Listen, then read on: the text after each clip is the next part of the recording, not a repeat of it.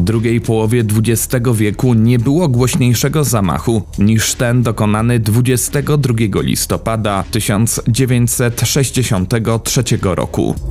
Tego dnia John Fitzgerald Kennedy, 35. prezydent Stanów Zjednoczonych, został zastrzelony w Dallas. Po 60 latach, mimo komisji śledczych, wielu filmów i książek na ten temat, to wydarzenie wciąż budzi liczne pytania i kontrowersje.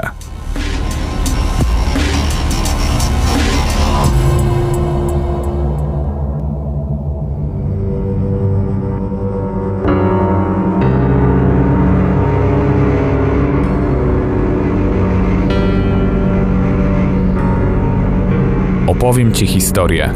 Kamil Barnowski. Zapraszam.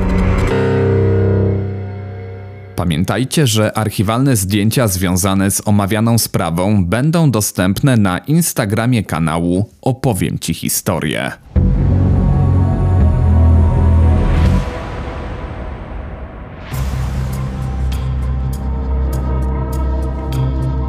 Jesienny poranek 22 listopada 1963 roku. Zapowiadał się słoneczny, a nawet ciepły dzień. O 11.40 prezydencki samolot wylądował na lotnisku Dallas Love Field. Wizyta stanowiła część podróży głowy państwa po Teksasie. Celem było zdobycie większej przychylności prawicowego elektoratu południa. Miało to duże znaczenie w kontekście zbliżających się wyborów. Plan wizyty opracował rodowity Teksańczyk, wiceprezydent Lyndon Johnson. Poprzedniego dnia Kennedy odwiedził San Antonio i Houston, Dallas pozostawiając sobie na koniec. Informacji nie dało się utrzymać w tajemnicy. Już kilka dni wcześniej o wizycie rozpisywały się lokalne gazety. Wydawało się, że będzie to kolejny sukces JFK, ale nie wszyscy uważali ten pomysł za dobry. Jak przyznał później miejscowy szef policji, Jesse Curry, w mieście dało się wyczuć napięcie ze strony ekstremistycznych grup, a wśród obywateli USA Kennedy wzbudzał czasem skrajne emocje. Na płycie lotniska prezydent wraz z żoną zostali powitani kwiatami. Konwój miał przejechać około 10 mil ulicami miasta. Było to obliczone na jak największy kontakt z mieszkańcami. Z tego powodu kabriolet pozostał otwarty. Faktycznie, na ulicach pojawił się prawie 200-tysięczny tłum. Prezydencka para miała przejechać nie tylko przez centrum, ale i podmiejską część Dallas. Auto poruszało się powoli, co było spowodowane problemami Kennedy'ego z kręgosłupem. Konwój otwierał nieoznakowany biały Ford, w którym jechał wspomniany już szef policji Curry. W drugim w kolejności Lincolnie Continental, oprócz głowy państwa, podróżowała też jego żona, gubernator Teksasu John Connally z małżonką oraz dwóch agentów, z których jeden pełnił funkcję kierowcy. W następnym pojeździe siedziało czterech agentów Secret Service i dwóch prezydenckich doradców. Dodatkowo czterech agentów stało na deskach progowych samochodu. Ich zadaniem była uważna obserwacja otaczającego tłumu. Sznur aut zamykała limuzyna z wiceprezydentem Johnsonem, jego małżonką, teksańskim senatorem, funkcjonariuszem policji i jeszcze jednym agentem. O 12.30 konwój wjechał na Dili Plaza, gdzie znajdował się hotel oraz miejski park. Żona gubernatora, Nellie Connally, odwróciła się do siedzącego za nią Kennedy'ego i powiedziała: Panie prezydencie, nie można powiedzieć, że Dallas pana nie kocha. Z pewnością nie można. Odparł. Były to jego ostatnie słowa. Gdy kolumna minęła składnicę książek Texas School Book Depository i pojechała dalej wzdłuż Elm Street, padły strzały. Wielu widzów sądziło, że to wybuch petardy lub odgłos samochodowego tłumika. Dźwięk wystrzału z karabinu o dużej mocy rozpoznał natychmiast weteran II wojny i zapalony myśliwy, gubernator Connally. Ale wszystko działo się zbyt szybko. Gubernator na własnej skórze miał się przekonać, gdzie skierowana była lufa zamachowca. Gdy otrzymał postrzał, krzyknął tylko: O nie, nie, nie! Mój Boże, zabiją nas wszystkich. Jego żona odwróciła się w stronę prezydenta i zobaczyła, jak ten trzyma podniesione ręce przed głową i szyją. Gdy ponownie spojrzała na męża, padł kolejny strzał. A jej ubranie i wnętrze limuzyny pokryło się krwią oraz kawałkami czaszki mózgu. Jak ustaliły badające później sprawę Komisja Warrena i Komisja Specjalna do Spraw Zabójstw, kula trafiła Kennedy'ego w górną część pleców. Przebiła szyję, uszkodziła kręgi i górną część prawego płuca.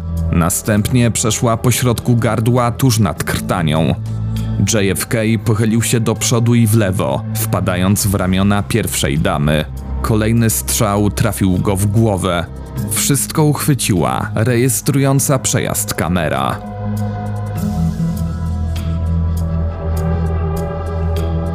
Agent Secret Service Clint Hill, który jechał na lewym przednim stopniu następnego samochodu, natychmiast przeskoczył na tył prezydenckiego Lincolna.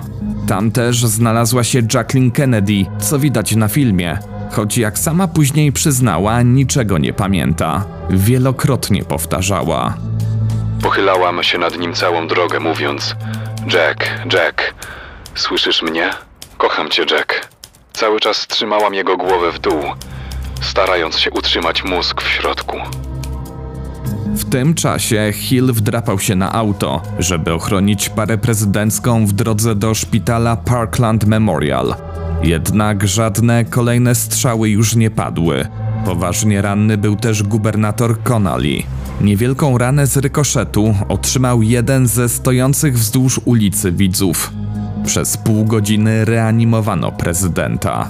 Przeprowadzono także zabieg tracheotomii. Jednak nie było najmniejszych szans na ratunek. Obrażenia, zwłaszcza głowy, były zbyt rozległe. O godzinie 13, tuż po ustaniu akcji serca, John Kennedy został uznany za zmarłego. Jako przyczynę zgonu wpisano ranę postrzałową czaszki. Ksiądz Oscar Huber udzielił zmarłemu ostatniego namaszczenia. Informacja o śmierci głowy państwa dotarła do opinii publicznej o godzinie 13.33. Pracujący w szpitalu patolog Earl Rose uważał, że należy niezwłocznie przeprowadzić sekcję zwłok, ale nie zgodzili się na to członkowie Secret Service. Ostatecznie trumna z ciałem znalazła się w Air Force One. W trybie pilnym zaprzysiężono wiceprezydenta Lyndona Johnsona. Samolot opuścił Dallas, które miało na zawsze zostać zapamiętane jako miejsce zabójstwa 35. prezydenta USA.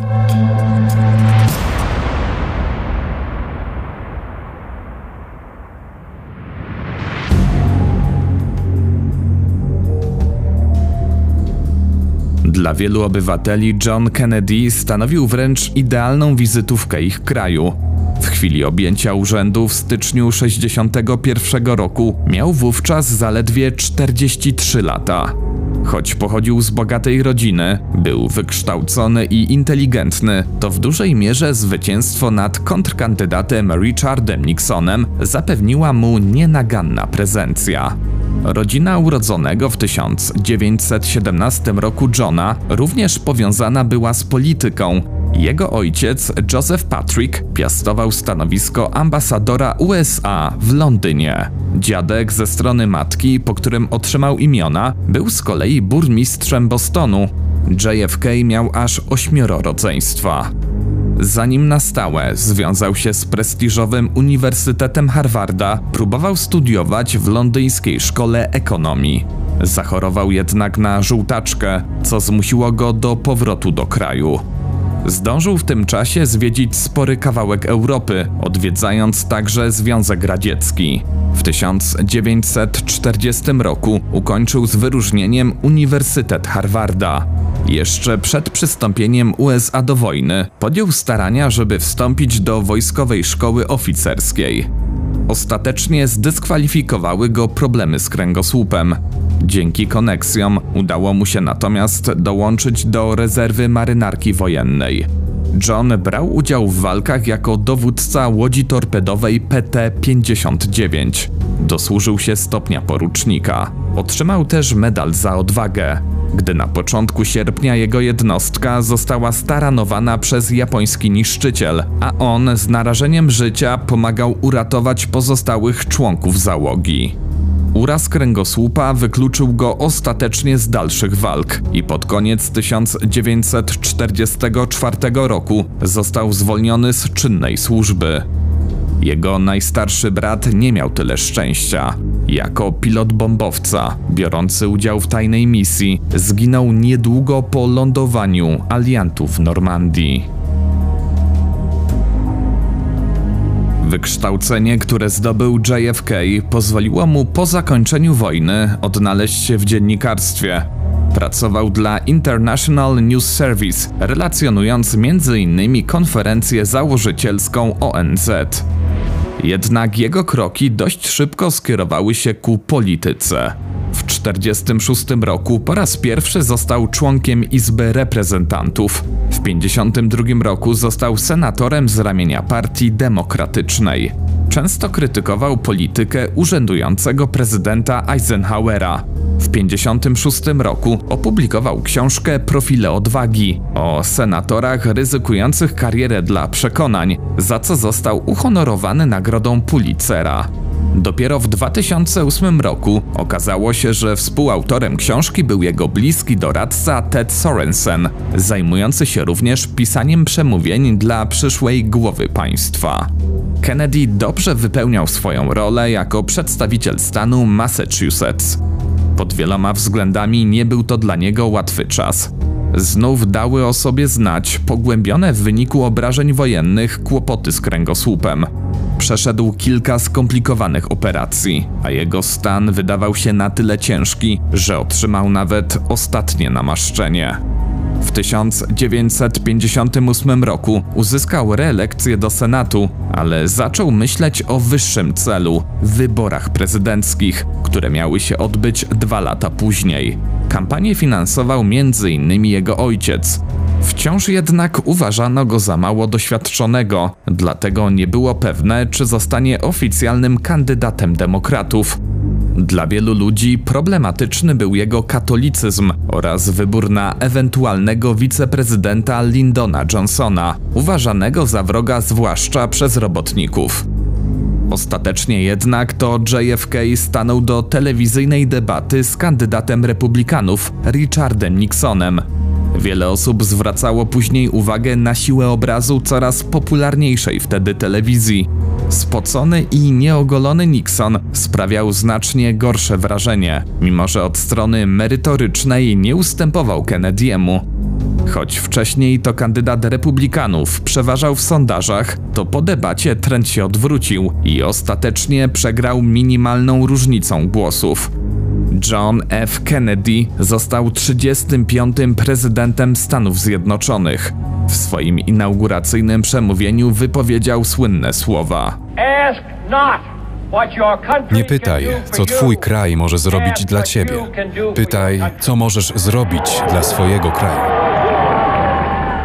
Bardzo szybko musiał udowodnić, że sam gotów jest się do nich zastosować.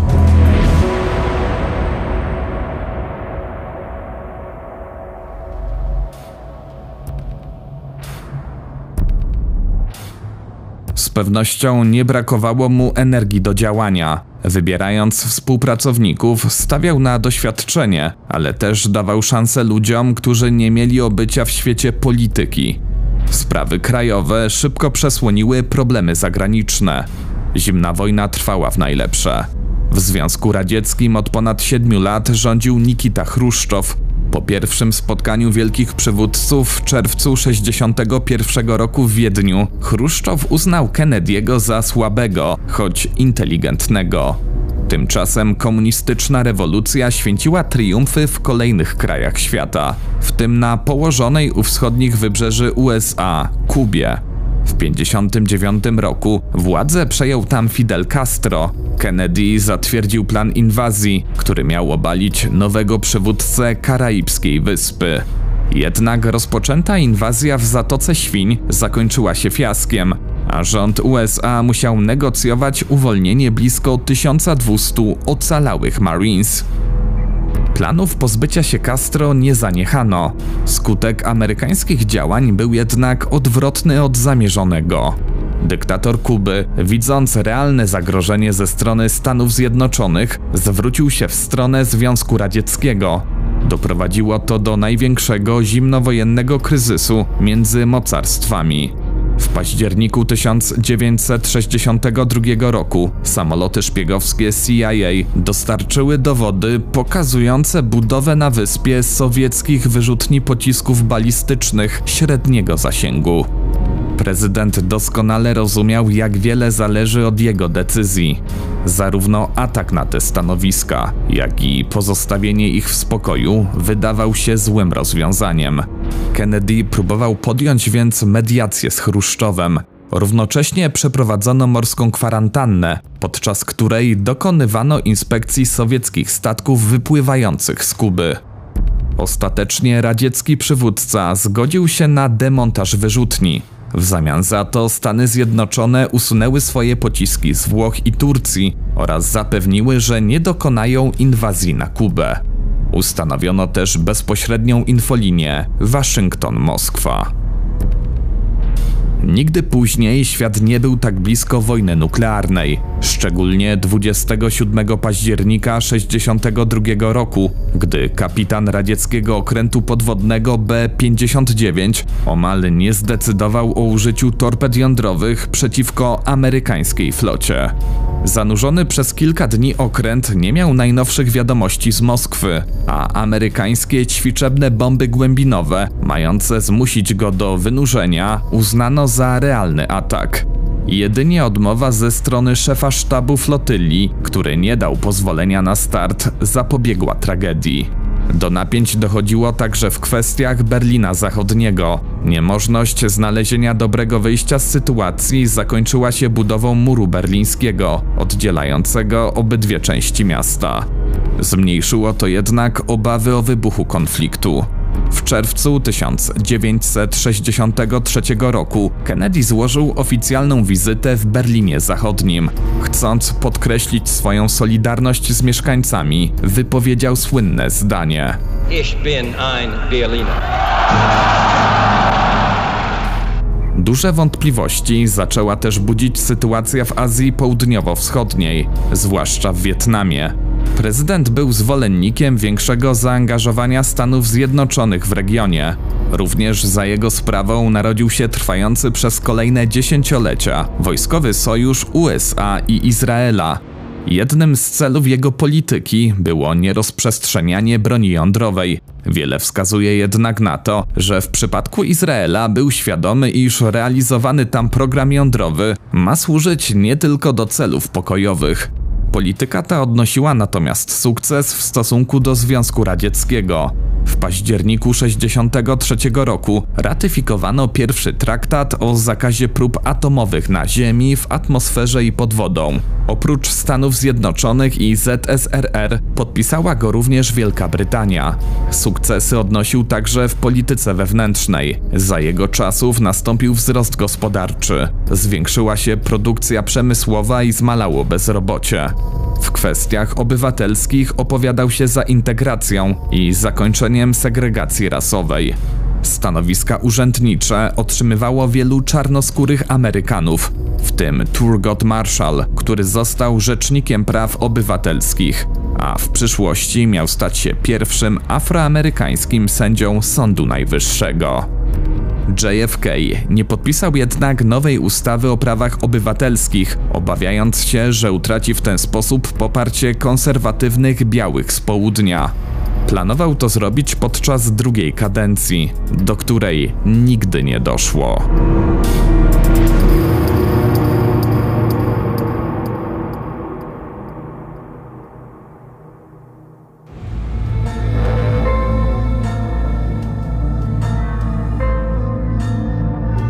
Trwającą całą noc sekcję zwłok przeprowadzono dopiero w Wojskowym Centrum Medycznym w stanie Maryland. Osobisty lekarz Kennedy'ego nalegał na przyspieszoną autopsję. Ostatecznie zdecydowano się jednak dokonać pełnej sekcji. Badanie wykazało, że prezydent został trafiony dwiema kulami. Ustalono, że pierwszy pocisk wyszedł przez górną część pleców i wyszedł poniżej szyi, choć ślad był częściowo zamaskowany przez wykonaną tracheotomię. Zranił on też gubernatora Conallego. Druga kula trafiła w tył głowy, przeszła przez mózg i wyszła z przodu czaszki, tworząc dużą ranę wylotową. Jak pokazano później, była to w rzeczywistości trzecia kula, oddana tuż po niecelnym drugim strzale. Natychmiast po zabójstwie rozpoczęło się gorączkowe poszukiwanie zamachowca. Pierwsze podejrzenie co do miejsca ukrycia się snajpera padło na trawiasty pagórek na północ od Elm Street. Jednak nikogo tam nie znaleziono.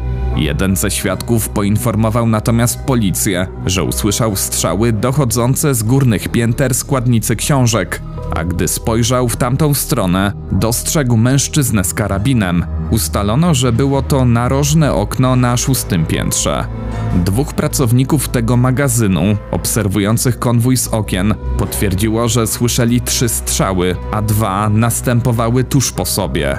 Szybko też zjawił się świadek. Zeznał on, że zawiózł do pracy mężczyznę z długą torbą, która miała zawierać karnisze. Tym człowiekiem był Lee Harvey Oswald.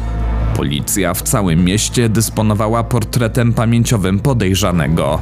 Zgodnego z rysopisem mężczyznę zauważył funkcjonariusz J.D. Tippit.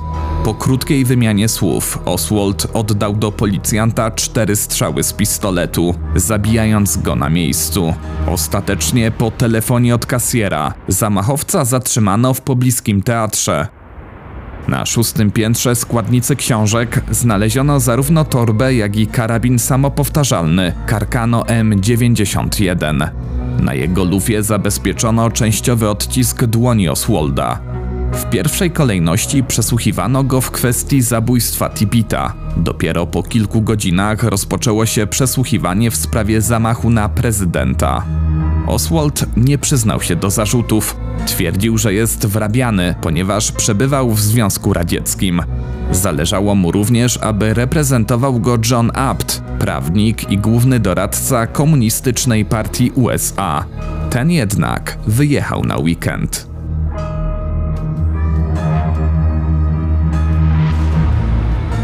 Oswald był człowiekiem o dość radykalnych poglądach. Socjalizmem zainteresował się jeszcze jako nastolatek. Wstąpił do piechoty morskiej, gdzie nauczył się podstaw rosyjskiego. W 1959 roku wyjechał do Związku Radzieckiego. Przez jakiś czas mieszkał tam i pracował. Poznał także swoją późniejszą żonę. Ale z czasem pobyt w ZSRR zaczął go nużyć. Dzięki pomocy ambasady amerykańskiej małżeństwu udało się w 1962 roku wrócić do Stanów Zjednoczonych.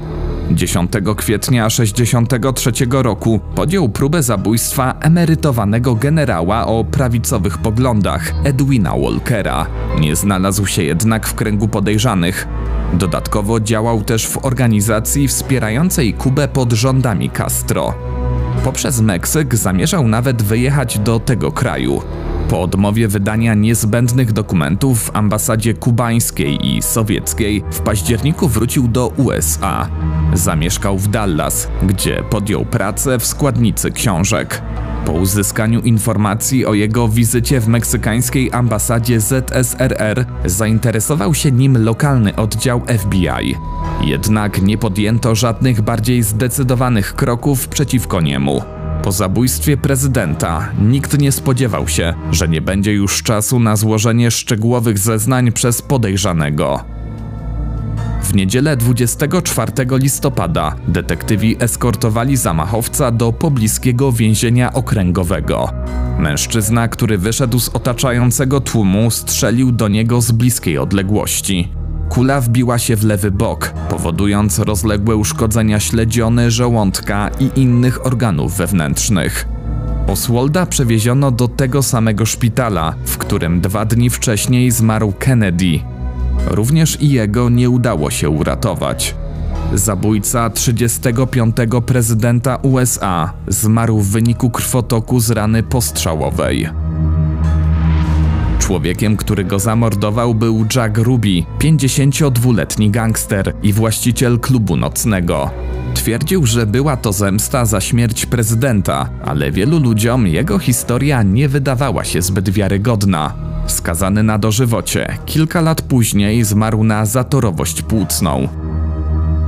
Przynajmniej część niejasności związanych z zamachem starała się wyjaśnić powołana przez Lyndona Johnsona komisja Warrena.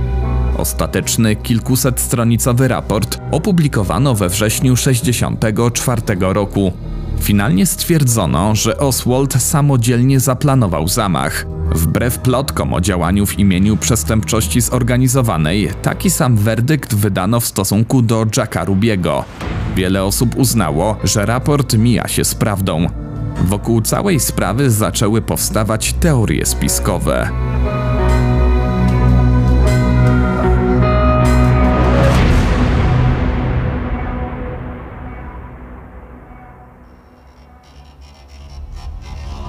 Pierwsza z kontrowersji dotyczyła forsowanej przez komisję teorii pojedynczego pocisku. Zdaniem powołanych fachowców ta sama kula spowodowała śmiertelne obrażenia u prezydenta i poważne rany u gubernatora. Oceniono to m.in. na podstawie analizy klatek filmu. Eksperci doszli do wniosku, że nie było wystarczająco dużo czasu pomiędzy zranieniem obydwu mężczyzn, aby Oswald oddał drugi strzał. Jednak już wówczas pojawiła się alternatywna teoria. Kilku badających sprawę specjalistów uznało, że zamachowców mogło być dwóch.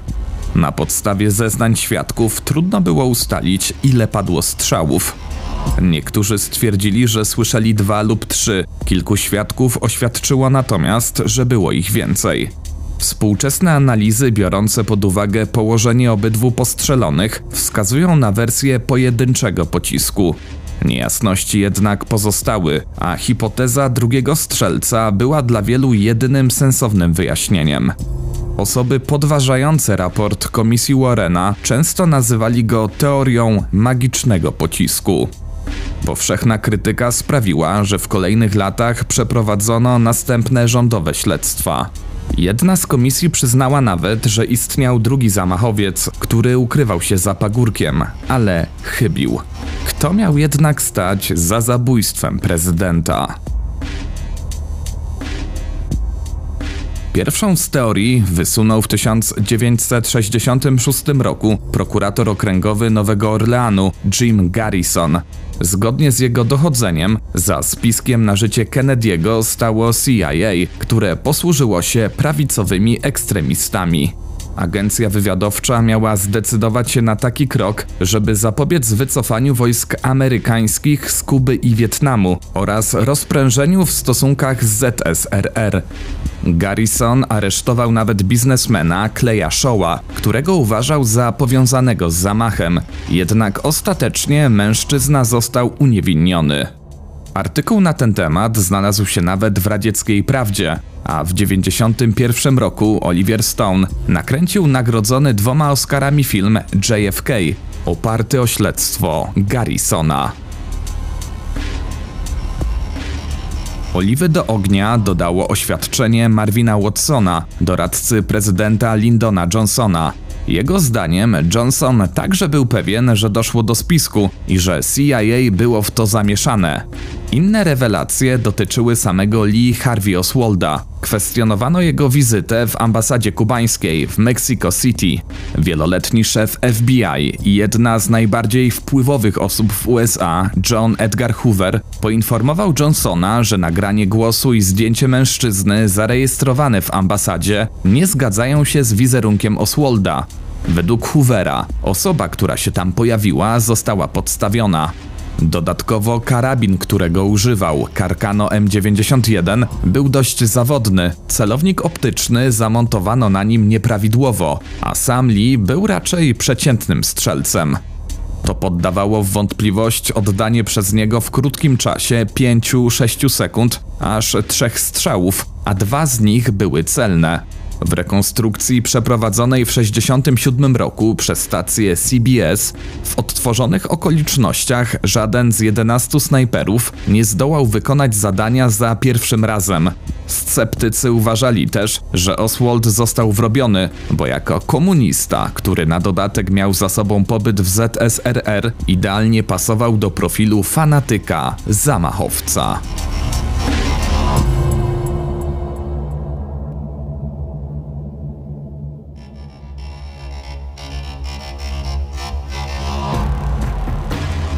Inną sporną kwestią była sprawa tzw. Tak trzech włóczęgów. Byli to mężczyźni, których zatrzymano w pobliżu składnicy książek niedługo po zabójstwie JFK.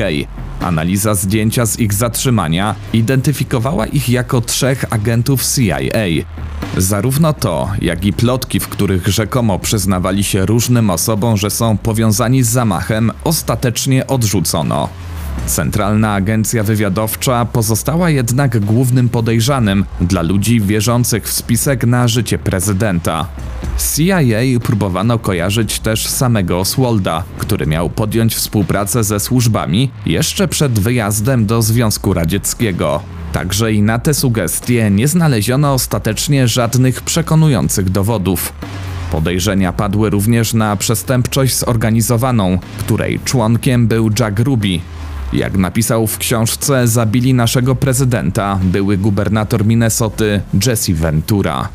John F. Kennedy został zamordowany w wyniku spisku z udziałem agentów CIA, Kubańczyków sprzeciwiających się Castro i członków mafii, z których wszyscy byli źli na politykę ustępstw Kennedy'ego wobec komunistycznej Kuby i Związku Radzieckiego. Także i w tym przypadku nie znaleziono żadnych mocnych przesłanek na poparcie tej tezy.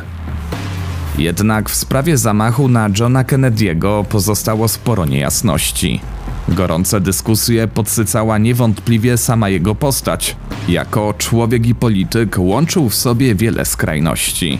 Propaganda kreowała go na dobrego męża i ojca, co nie przeszkadzało mu wikłać się w liczne romanse, między innymi ze znaną aktorką Marilyn Monroe. Początkowo spolegliwy i łagodny polityk sprostał jednak ciężarowi wydarzeń podczas kryzysu kubańskiego.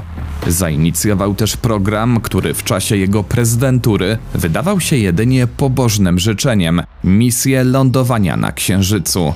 W świadomości większości Amerykanów pozostał jednak przede wszystkim politykiem pełnym zapału i życzliwości, którego błyskotliwą karierę przerwała gwałtowna śmierć. Choć nigdy nie udowodniono istnienia drugiego zamachowca, ta hipoteza do dziś ma wielu zwolenników.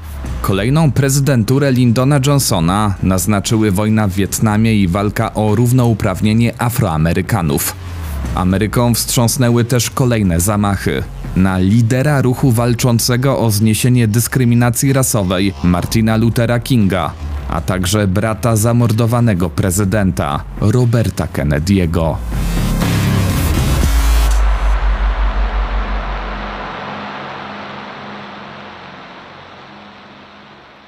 Kolejny premierowy odcinek podcastu Opowiem Ci historię już w przyszły poniedziałek o 20. Zapraszam, Kamil Barnowski. Ten odcinek powstał dzięki Waszemu wsparciu w serwisie Patronite. Jeśli chcesz dołączyć do patronów kanału Opowiem Ci historię, kliknij w link dostępny w opisie filmu. Z góry dziękuję.